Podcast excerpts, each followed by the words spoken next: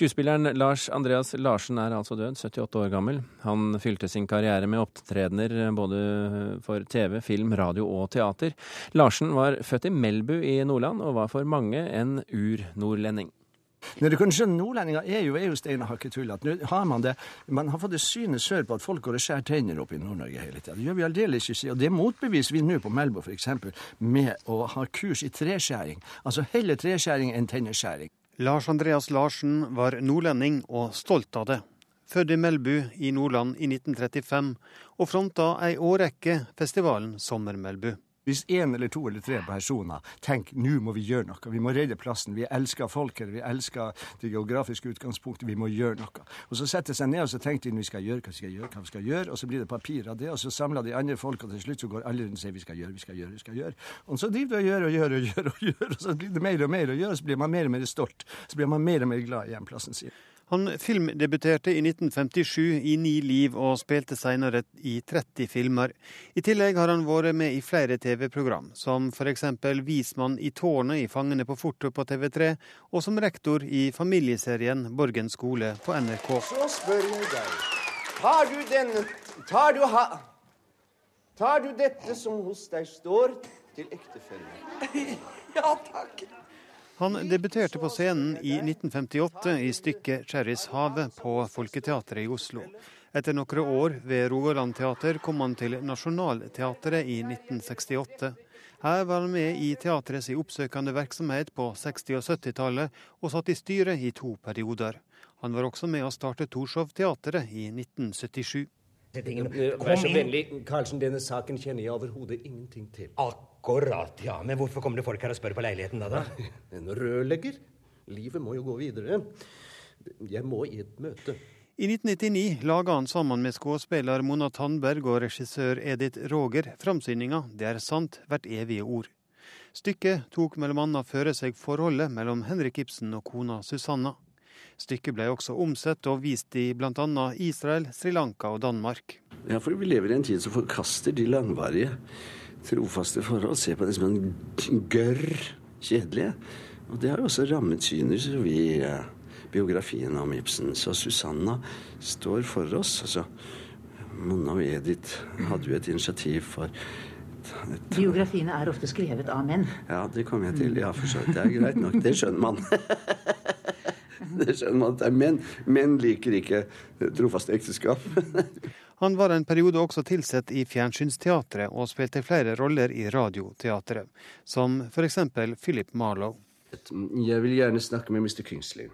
Har de en avtale? Ingen avtale, Miss Fromsett. Det er vanskelig å treffe Mr. Kingsley hvis de ikke har en avtale. Hva gjelder det, Mr. Marlowe? De kan gi beskjed om at jeg kommer fra kriminalbetjent McGee. Og kjenner Mr. Kingsley kriminalbetjent McGee? Den beste måten å finne ut det på, er vel å spørre ham. I 2001 ga Lars Andreas Larsen ut diktsamlinga 'Regnbuen er en bro'. Her hadde han samla dikt fra ulike forfattere, anna Kolbein Falkeid. Døden er ikke så skremmende som før. Folk jeg var glad i, har gått foran og kvistet løype. De var skogskarer og fjellvante. Jeg finner nok frem. Og det var stemmen til Lars Andreas Larsen, og reporter her det var Espen Alnes. Velkommen til Kulturnytt, Henny Moan. Takk.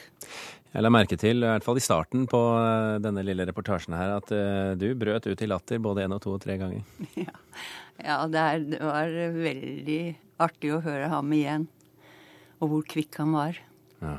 Du traff ham på slutten av 50-tallet selv? Ja, jeg traff ham vel først i 55, da jeg kom hjem fra Sverige. Da var han begynt på teaterskolen.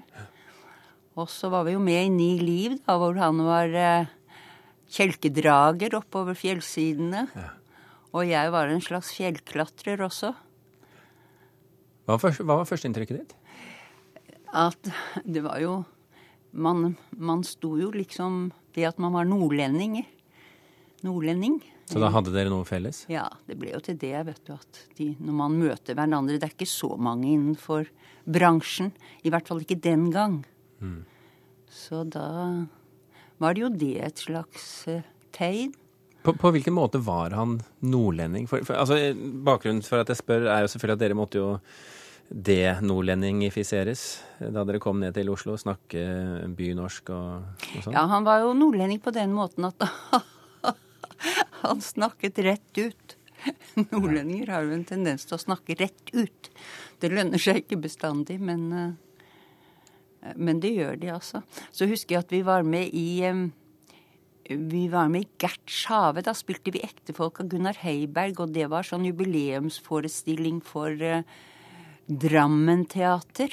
Da var han kommet til Nationaltheatret. Men før det, da han var i Stavanger, da kontaktet han meg flere ganger, for der hadde han jo startet denne eh, foreningen, eh, fredsforeningen sin. Og, og, da ville han jo ha hjelp til den, og økonomisk hjelp. Og der Det, det bidro jo jeg en del til.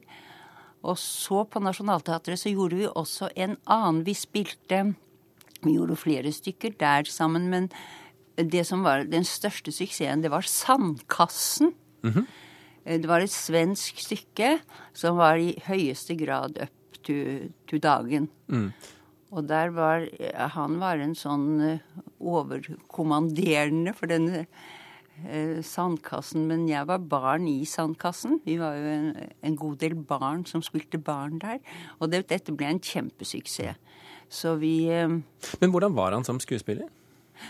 Han var Ja, jeg syns at dette, dette, som er kjent av ham her, gir veldig eh, uttrykk for hvordan han stort sett var.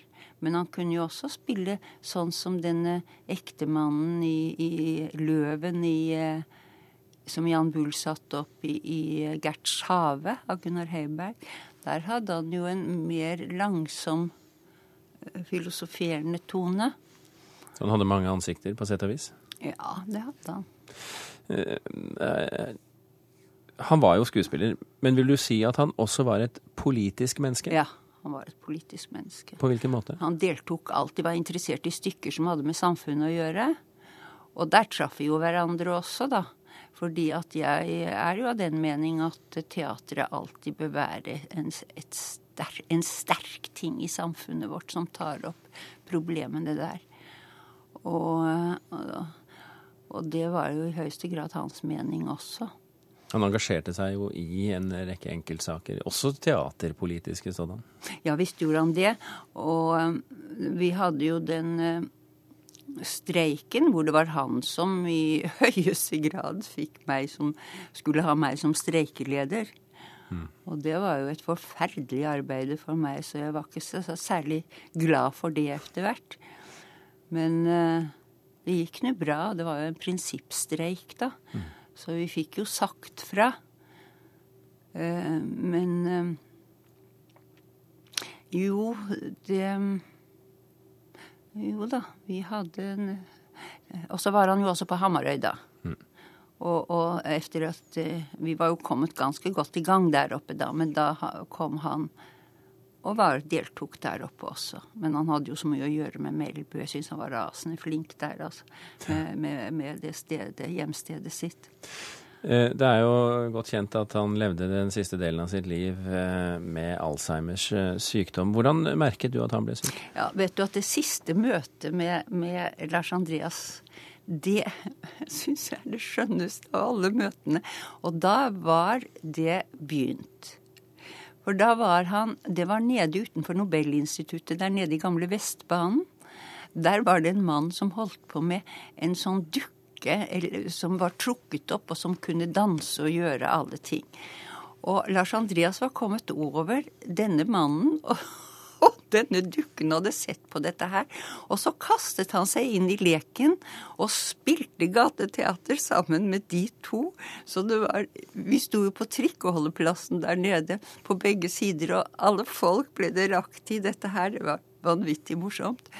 Og så var det også at han skulle traff ham utenfor Nationaltheatret, og skulle han på trikken, og da hadde han ikke da hadde han ikke penger til trikken, så jeg sa at det gjorde ingenting fordi jeg skulle betale for ham. Ja, det var hyggelig, det. Så vi satte oss ned, og bare på et blunk så var han kontakt med alle mennesker. Men, men, skjønte du at han var syk på det tidspunktet? Ja, jeg skjønte nok Jeg visste at han, at han ikke hadde så greit for å finne frem og sånn. Mm. Og at uh, han Ja, at han var begynt kanskje på en sånn uh, sykdom.